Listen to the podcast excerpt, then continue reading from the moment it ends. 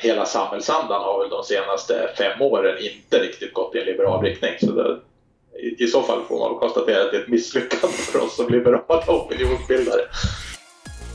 Hej välkommen till Regionpodden, podden som pratar om politik och samhällsfrågor i Västernorrland. I dagens avsnitt kommer vi lyssna på del 1 i en längre intervju där Robert Thunfors pratar med ledarskribenten Marcus Backholm Bolin som jobbar vid Sundsvalls Tidning. De kommer att prata om vad jobbet innebär, medias roll i länet och om att prata bebisspråk eller inte.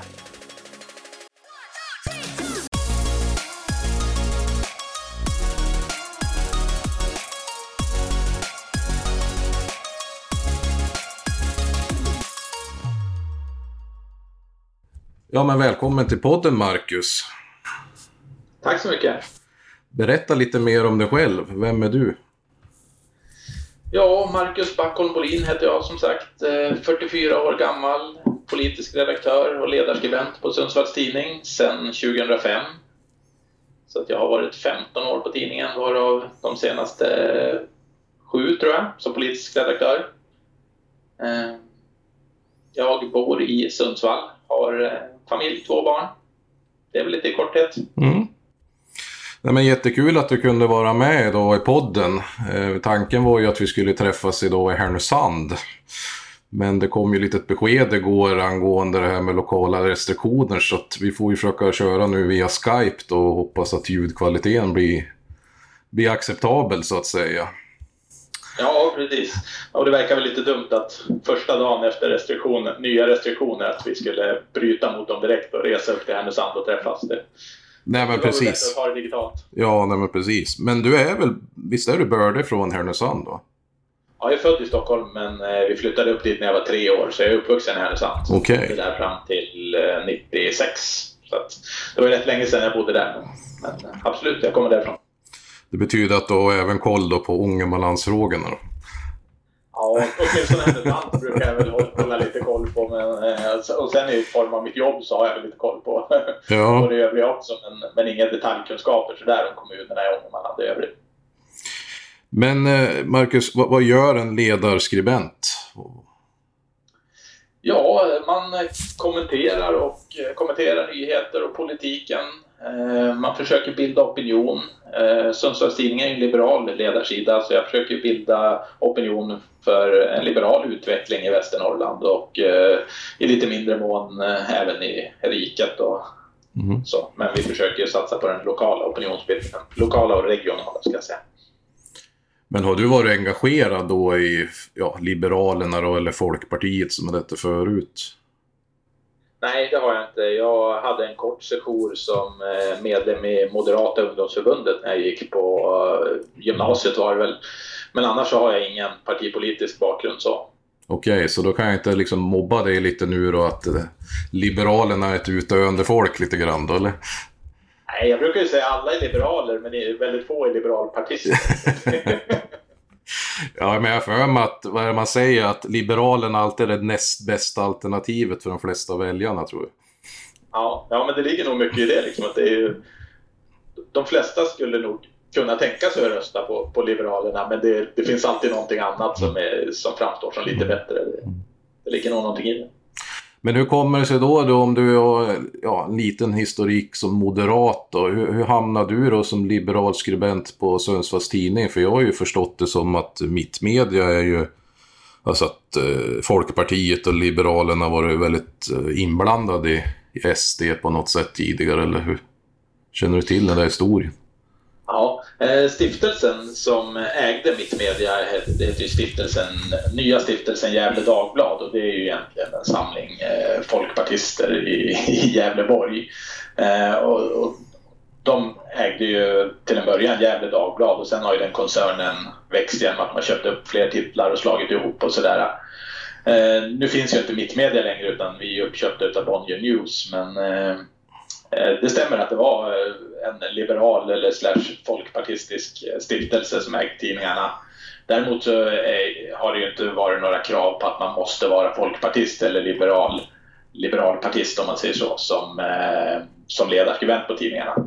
Dessutom så, så ingår det ju i koncernen även socialdemokratiska och centerpartistiska tidningar. Så det finns ju en viss mångfald av, av åsikter. Här. Ja, jag vet ju att Centerpartiet gjorde en fantastiskt bra affär när de sålde iväg sin tidningskoncern till Mittmedia. Och det är väl därför... Ja, det får man ju... Vad sa du? Ja, det får man ju verkligen säga. Eh, betalade ju väldigt, väldigt högt pris för dem. Då, då var det ju papperstidningar man köpte. Och sen gick det ju bara spikrakt utåt för papperstidningar efter det. Ja, medan Centerpartiet vart ju då Europas rikaste politiska parti kan man ju säga. Ja, ja de, har gott om pengar på banken. Ja, men, det har jag förstått. Därför att, eh, att Mittmedia har liksom en bredd just av socialdemokratisk centerparti och som du säger liberal. Då, och som jag fattar det som att det är väl ungefär är det, fyra stycken ledarskribenter i Västernorrland va? På... Ja, precis. Det är ju... Det här har ju flyttats om lite det senaste året. Tidigare var vi två på SD, men nu är det ju jag som är på Sundsvalls Tidning och så har vi ju Sofia Mirjamsdotter som är liberal på tidningen Ångermanland och så har vi Susanne Sjöstedt som är socialdemokrat på tidningen Ångermanland. Mm. Och så Thomas Esaias Englund på mm. Örnsköldsviks Allehanda som också är liberal tidning. Så det är en stor övervikt av liberal då? Ja, det får man säga. Men du säger att försöka påverka opinionen och lite sådär då. Hur tycker du det går då? Tycker du att ni får något genomslag? Eller? Det är, väldigt, det är ju väldigt svårt att mäta det där. Eh, och det, det, går ju... Jag, jag ser inte som, liksom, mäter inte min framgång i hur det går för, för eh, Folkpartiet snedstreck Liberalerna utan det är väl snarare om det liksom är någon slags liberal utveckling i, i samhället, att, att samhället går i liberal riktning. Eh, och där får man väl säga att hela, hela samhällsandan har väl de senaste fem åren inte riktigt gått i en liberal riktning. Så det, i så fall får man konstatera att det är ett misslyckande för oss som liberala opinionsbildare. Men sen 80-talet och framåt har det väl gått väldigt bra? Precis, i ett, i, i, en, i ett längre lopp, om man ser i, en längre, i ett längre perspektiv, så har ju liberala idéer absolut gått framåt. Mm. Om vi hade liksom en nästan socialdemokratisk enpartistat länge så eh, har ju liksom liberala idéer successivt blivit mer accepterade. Det är väl nu de senaste fem åren kanske som vi har haft någon slags eh, ja, men, samhällsförändring i mer kanske konservativ riktning. Ja, för det var just det jag tänkte fråga vad du menade med samhällsutveckling. Men jag antar ju att du tänker på ett visst parti längst ut åt höger då som går som en raket. Ja, precis. Ja. Och ett nytt... Och som, som väl är liksom på något sätt antitesen till, eh, tillsammans med Vänsterpartiet så är det väl Sverigedemokraterna som är liksom de som står längst ifrån vad man som liberal, hur man som liberal definierar sig. Men liberal, liberalismen innehåller ju även olika inriktningar och det har ju varit intressant lite grann hur, hur, hur definierar du då liberal i det här sammanhanget? För du kan ju vara socialliberal och nyliberal och mm. finns ju lite där mittemellan och betongliberalism och ja. Ja, jag ligger väl i så fall någonstans mittemellan där får man väl säga. När, när jag hade, som, som jag sa, min, min bakgrund i Moderata ungdomsförbundet, då var jag väl en ganska liksom, långtgående nyliberal som tyckte att liksom, här, vi ska minimera staten så mycket som möjligt, ner med skatten så mycket som möjligt. Eh, ja, eh, sen, eh, ja, ja, men en, en ganska ungdomlig och som jag vill säga idag, naiv syn på hur, hur samhället fungerar. Eh, men så som man kanske är när man är lite yngre. Eh, sen tycker jag, ja men har jag, jag, jag har ju behållit mina liberala grundvärderingar men har väl liksom insett att liksom, det måste ju finnas, jag, jag, jag, tror på en större stat idag än vad jag trodde på då. Det måste finnas ett samhälleligt skyddsnät och det, mm. sådär. Men då kan man... Bara i grunden en, en, en, fri marknadsekonomi, att det är liksom grunden för vårt välstånd. Mm. Annars brukar man säga så att i Sverige så är vi mer eller mindre alla socialdemokrater.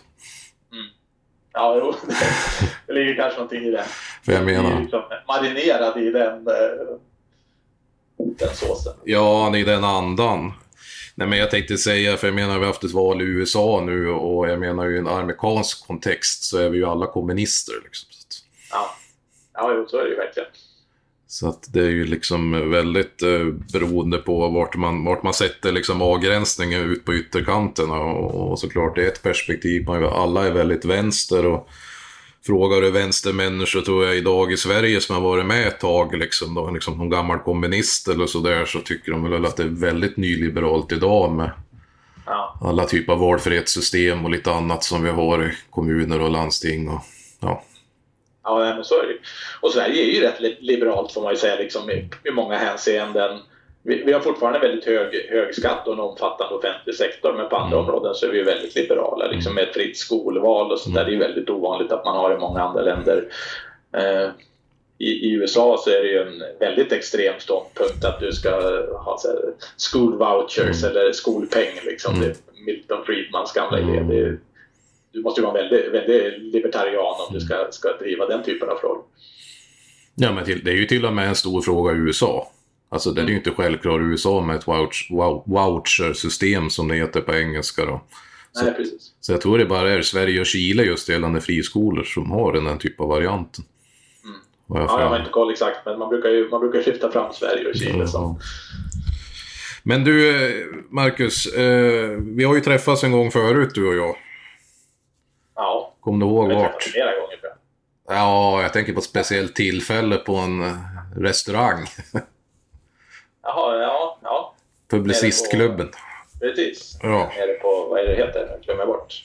Gambrinushallen. Gambrinushallen, precis. Nej, men jag var ju, för jag tänkte vi skulle prata lite grann om det här med lokala medier. Mm. Och eh, jag var ju inbjuden på då Publicistklubben och det var ju faktiskt Sofia Miriamsdotter då som var väl ordförande då, om hon inte är det fortfarande kanske. Ja, jag, den har legat lite i träda nu under corona. Ja. Jag tror att det kanske är Oskar Nord som ordförande, men jag är inte helt säker. Okej. Okay. Ja, ja, nej men i alla fall jag varit inbjuden av Sofia och, och komma dit och prata lite grann om eh, hur jag upplevde valbevakningen. Mm. Och då var det ju då i Timrå kan jag väl säga, men vart väl kanske också lite generellt. Och eh, jag lyckas ju få medierna i P1 att göra ett reportage i Timrå. Var ganska kritisk och där gjorde man ju också en granskning kan jag ju säga då om eh, just eh, Mittmedia eller Sundsvalls Tidnings bevakning då. Och det var ju inte många artiklar skrivna på, på just Timråpolitiken då. Och det var ju faktiskt också en samsyn eh, mellan alla tror jag partier då, för de intervjuade ju flera företrädare från både sossar och moderater och jag tror någon centerpartist också, att vi var ju rörande överens om att vi inte var nöjd, om man nu får kalla det för det då. Och jag tänkte mest liksom fråga dig, hur, hur, hur ser du på det här med, med, med lokaljournalistiken just nu? För att vi vet ju att vi har en mer och mer av en eh, digitalisering och nättidningar och färre och färre så att säga köper eller har en papperstidning. Och jag menar, eh, man brukar ju kalla det här för, alltså för medier för den tredje statsmakten då, att man, man har ett demokratiskt uppdrag. Och, ja, jag skulle vilja höra lite din reflektion kring det här. Mm. Ja, nej, men jag, jag, håller med. Vi har ju ett demokratiskt uppdrag att eh, bevaka de tre kommunerna som är i vårt eh, spridningsområde. Vi bevakar ju, ST bevakar ju Timrå, Sundsvall och eh, Ånge. Eh, jag tycker det är ganska naturligt att det blir eh, störst fokus på Sundsvall som är den största kommunen. Men eh, naturligtvis så ska vi göra en, en bra bevakning även utav Timrå och Ånge. Det, det tycker jag är självklart. Men hur ser du just på att för min upplevelse är ju lite grann att färre och färre, vad ska jag kalla det för, är insatt i lokala frågor. Och när det gäller nationell, alltså kollar man på SVT och lyssnar på radio och sådär, alltså det blir ju väldigt mycket fokus på såklart på rikspolitik. Ja. Eh, min, jag, alltså jag är ju ung, för jag är ju, ja, jag är fyllda 33 nu då. Eh, men, men alltså, jag, det var ju många, många fler som hade tidningen förr. Ja, så är det ju verkligen. Det har ju, har ju gått eh, ner drastiskt, antalet som har tidning. Däremot så brukar vi ju lyfta fram att vi når ju, når ju ut till fler än, än någonsin om man säger.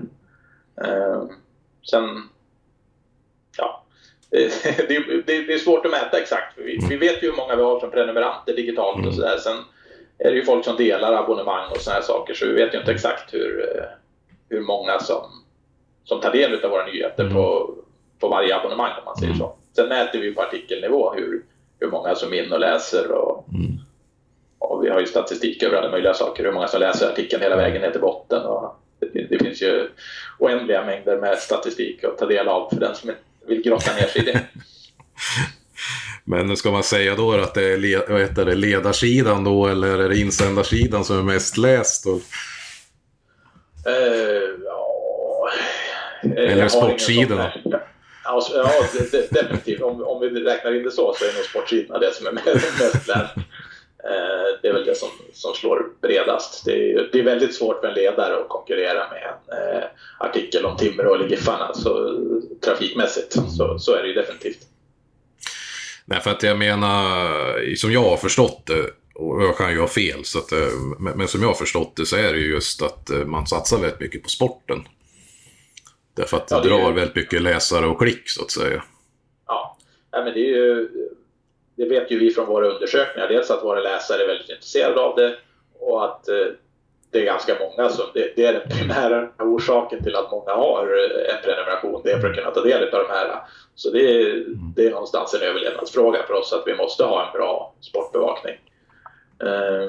Det är ju ganska mycket färre människor som säger att de huvudsakligen har tidningen för att läsa ledarsidan. Man, man önskar ju att det var tvärtom. man får väl krasst konstatera hur det ser ut. Ja, nej för att eh, det jag pratade om det demokratiska uppdraget och det, det sa jag också på Publicistklubben att eh, Alltså även public service ska man inte glömma bort i sammanhanget då. Men, men de har väl kanske lite jobbigare uppdrag också när man ska bevaka hela länet. Och så ska man göra det på några minuter också. Eh, så att de har väl liksom svårare med att få med allt helt enkelt. Det blir väldigt korta saker och, och det är väl liksom min kritik att eh, när det gäller just Sveriges Radio eller gäller SVT så är det jäkligt fördömande tycker jag. Eller fördömande. Och, av den anledningen att på en och en halv minut så är det inte enkelt att förklara en fråga liksom.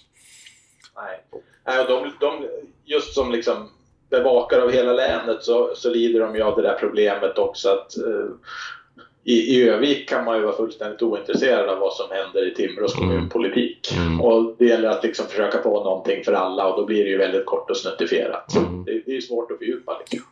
Nej men det är därför jag ser att eh, just som Sundsvalls Tidning då, och jag har ju liksom ett ganska säga, nischat uppdrag då genom att ja, men SD bevakar ju bara Medelpad i, i huvudsak då. Ja. Eh, och då har ju ni liksom egentligen inte så mycket till konkurrens heller för att det är ju, era konkurrenter är väl er själv då, det är typ Sundsvalls Nyheter. Då. Mm. Eh, och, och, och, då ska ni ju liksom vara den som är ute i kommunerna och sådär då och det är ju det jag upplever att det har ju blivit mycket, mycket sämre. Ja. För, för, när Dagbladet var, fanns då, eh, för det låg väl ner, var 2016 va? Ja, jag minns inte vilket år Ungefär. Ja, där någonstans. Ja, men då fanns ju ändå en, även fast det var samma koncern, för båda tillhörde ju Mittmedia, men det fanns ju ändå en konkurrens liksom. Ja. Var det så att ena tidningen inte ville skriva så var det ju oftast den andra var liksom kanske intresserad. Då. Ja. Och, men, men så är det ju inte idag, utan det är ju liksom en som jag nu får ju du rätta mig om jag har fel, men, men jag upplever liksom att det är kan man säga, en kommunreporter då som ska bevaka allt mellan himmel och jord en kommun och det kan jag förstå en jätteutmaning liksom. Speciellt om ja. man är beroende på vad man själv är intresserad av för typ av frågor. Då. Mm. Ja, nej, men så är det. Vi har ju en person som är eh, dedikerad åt Timrå och en person som eh, huvudsakligen bevakar Ånge. Sen om det är något i stort så kan man ju även komma folk från, mm. från centralredaktionen om man säger så. Eh, men, men om vi ska ta den där historiska parallellen när, när Dagbladet fanns. Det, det handlar ju egentligen om en, om en resursfråga. Att för 10-15 år sedan så, så hade vi mycket fler journalister. Då hade vi en lokalredaktion som satt ute i Timrå med två personer som bevakade det och Dagbladet hade väl åtminstone en person där ute. Då var det tre personer som bevakade Timrå på heltid. Eh, idag har vi en person som gör det. Det är, klart att det, det är klart att det blir skillnad i hur mycket man bevakar och kanske i hur djupt man kan bevaka. Det, det, det, går, det går inte att liksom förneka det. Men, men det är väl liksom, för jag tänker Mittmedia var ju nästan i konkurs. Och ja, det, det, det, har väl mycket att göra med just digitaliseringen då att ni, ni, får inte in samma intäkter på, på den digitala tidningen med annonsprenumeration än vad ni hade på papperstidning. Nej, nej helt rätt. Eh, det var ju vi, vi, får ju ofta kritik för att eh, papperstidningen kost, det kostar så mycket att ha papperstidningen. Men det är ingen stor intäkt för oss, själva intäkterna från vad, vad, folk betalar för att det kostar så pass mycket med distribution. Utan det har ju varit att vi nådde brett. Mm. Nästan alla hade papperstidningen, då kunde vi sälja annonser ganska dyrt. Mm. Och sen så behövde bara intäkterna som man betalade för tidningen, det var egentligen bara för att få den hemburen, mm. mer eller mindre. Eh, och I takt med att allt färre har papperstidningen så får vi mindre betalt för annonserna också för vi når till färre. Så det, och då, då, krymper våra resurser. Det, mm. vi, vi, har inte så mycket annat att göra än att anpassa oss efter det och då blir det färre journalister också. Och, och det är väl inte att hymla med att det, det är klart att det blir en, en, en, smalare och kanske i viss mån sämre produkt av att man är färre. Det blir inte lika bred produkt i alla fall. Nej, och det, ni har väl inte något pressstöd va? Sundsvalls Tidning? Nej. Nej. Nej. Så då kan man ju inte anklaga er heller. Nej, precis. Vi, jag tror att vi har, eh, jag vet inte om det har börjat eller om det är på väg, men så här, det, finns, det finns ju något som kallas för vita fläckar. Ja, om man inte är i Ånge. Precis, att ja. det ska finnas en, eh, vi ska dela på en reporter ja. i, i Ånge tillsammans med Östersundsposten som ska bevaka Bräcke och lite, ja, mm, mm. Det, där, det där mittemellan eh, Östersund och mm. Ånge typ. Men jag kommer inte riktigt ihåg om det har dragit igång ännu eller om det är på gång. Men i övrigt så har vi inga presstöd. Men jag, tänk, Ja, nej för Marcus, jag tänkte säga på, eh, vi hade lite försnack du och jag nu, så pratar vi just om de här plusartiklarna. Mm. Som är ju ert koncept och det betal, betalartikel så att säga på hemsidan då.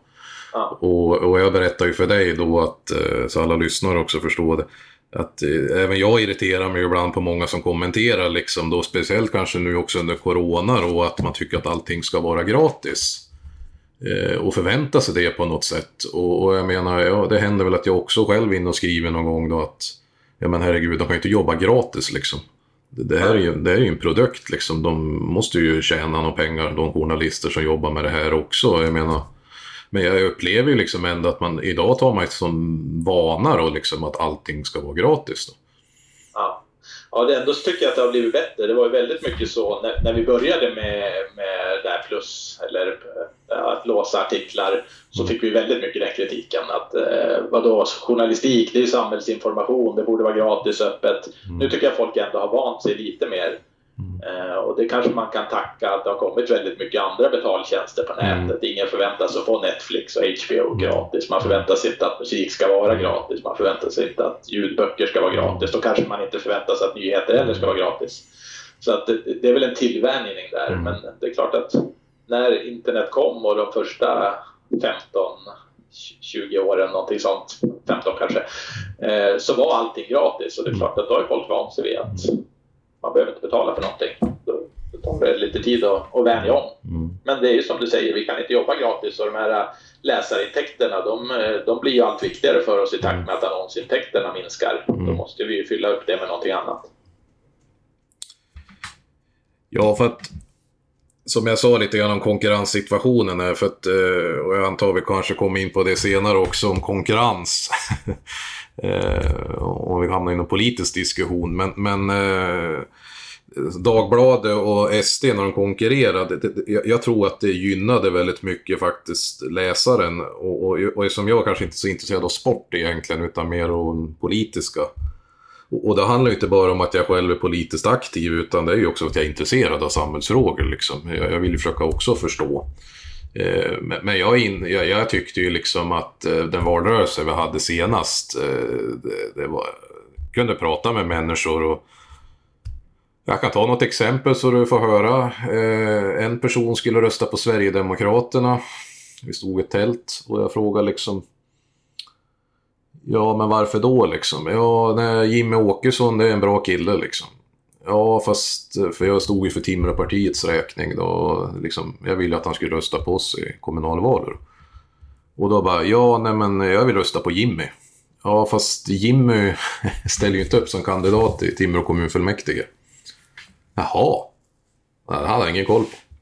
Och jag bara, liksom, då berättade jag vem som var Sverigedemokraternas företrädare liksom. Hade han aldrig hört talas om. Och, och då blir man ju liksom så här, och så är det så här, jag, jag frågar faktiskt om han hade tidningen. Och i det här fallet hade han faktiskt inte det. Men, men jag vill liksom ta upp det som någon form av exempel på, som jag upplever att har man en sån människa som är i högsta grad en medelålders man liksom, och har så dålig koll, då tycker jag att vi har ett ganska allvarligt problem. Alltså. Och han är inte unik bara för vara Sverigedemokrat vill jag lägga till, utan jag kan ta andra exempel som röstar på andra partier. Och... Nej men visst är det väl så. Det, det finns väl en liksom eh, i, må, i många, många avseenden en, en bristande förståelse för hur, hur vårt samhälle fungerar och hur, hur de här olika nivåerna med kommunal, regional och, och mm. riksdagsval. Liksom. Det, jag tror att det är många som gör så. Man, man bestämmer sig för ett parti. Liksom. Men jag är socialdemokrat och röstar jag på det rakt igenom utan att sätta sig in i specifikt vad Socialdemokraterna vill i Timrå eller vad SD vill i Timrå. Eller, mm. Utan gillar man SD på, på det nationella planet då röstar man på dem mm. lokalt också. Och sen spelar det ingen roll om, om det sen har suttit nickelocker där och inte gjort någonting i fyra år. Det, är liksom, det, det kanske man inte ens är medveten om eller ens bryr sig om. Ja, jag vet att vi kan ju kunna ta den på en gång då. För jag tänkte vi skulle hoppa in på Sundsvall alldeles strax och prata lite Sundsvallspolitik. Men vi kan ju tjuvstarta. Du har ju varit ganska kritisk mot Sverigedemokraterna i Sundsvall. Ja. Som nickedockor, ja, det... så jag tänkte att det ja. kanske var det du tänkte på. Ja, jo, det var det väl i och för sig. Eh, ja, nej, men jag tycker inte att de sköter sitt uppdrag här. Och det, det har inte... Den, jag, jag, får ju mycket kritik då. Så här, ja, men du, du ogillar ju SD, det är därför du skriver så här. Och det, det, stämmer att jag inte är överens med Sverigedemokraterna varken på lokalplanet eller i, i riksplanet. Men det, det, är inte det min kritik huvudsakligen har riktat sig mot här utan det är att jag tycker inte de gör sitt uppdrag. De, eh, de uttalar sig inte fullmäktige, de deltar inte i debatten, de kommer inte med konkreta förslag, de, de visar inte på ett alternativ till den förda politiken. Så jag, jag tycker liksom de, de, de, sköter inte, de sköter inte sitt jobb och därmed tycker jag att man sviker de väljare som faktiskt har lagt sin röst på, på SD i, i, i Sundsvall. Ja, jag ska säga det att eh,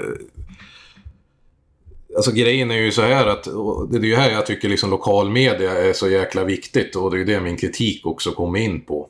Att, mm. eh, för jag menar, jag, ser ju liksom att är man den tredje statsmakten, och nu, nu kan jag inte anklaga er för att ha något statligt stöd heller som inte har pressstöd, för annars skulle jag ju ha hackat som fan på det. Liksom.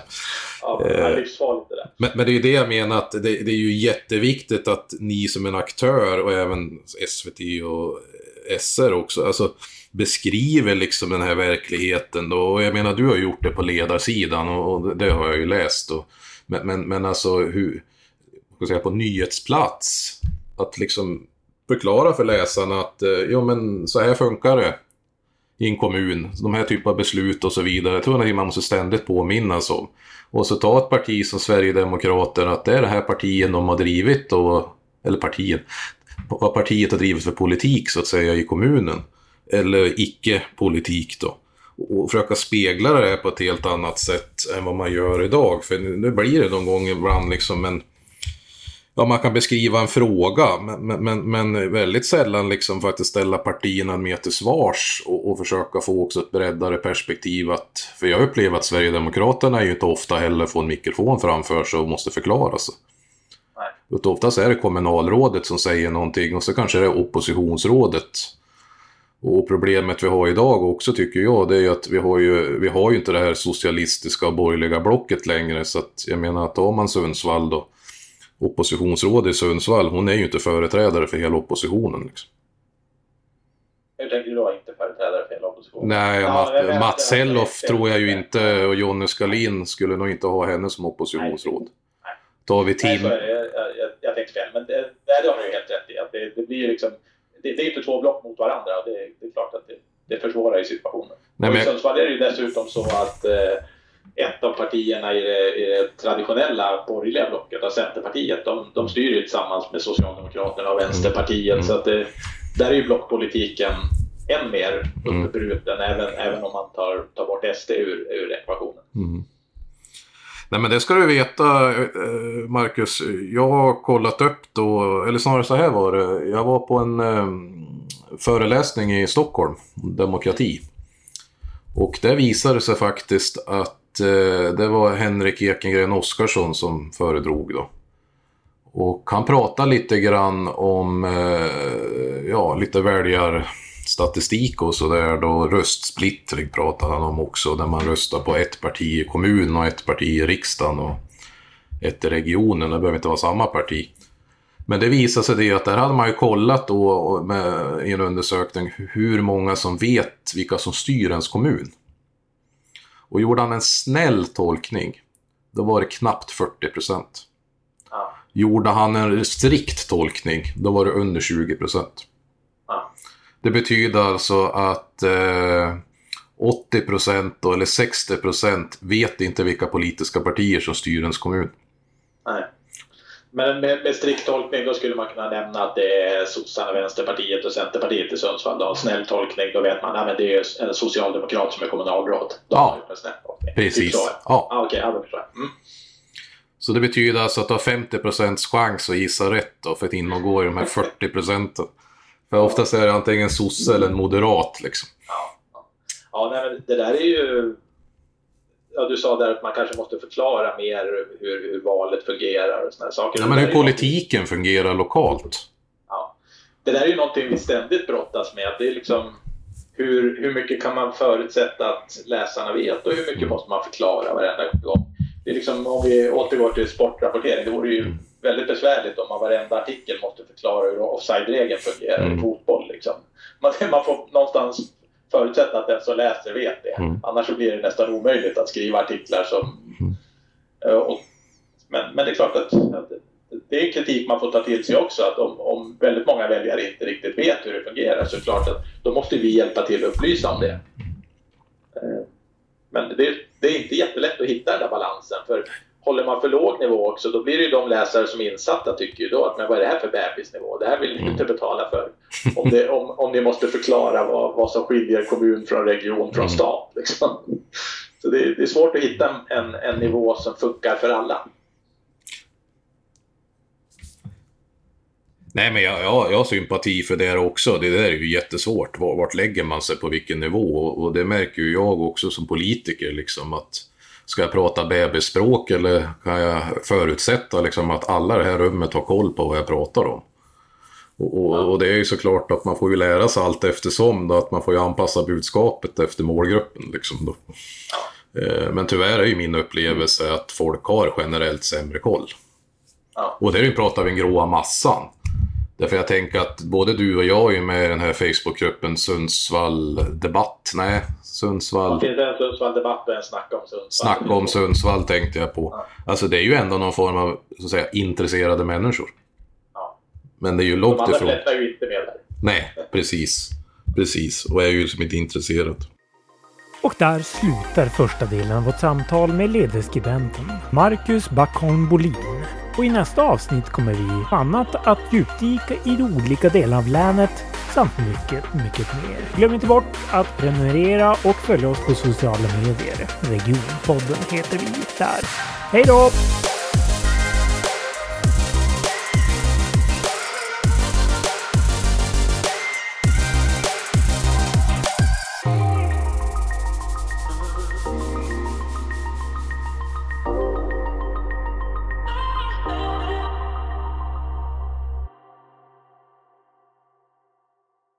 Denna podd gjordes av Sjukvårdspartiet för Västernorrlands läns medborgare.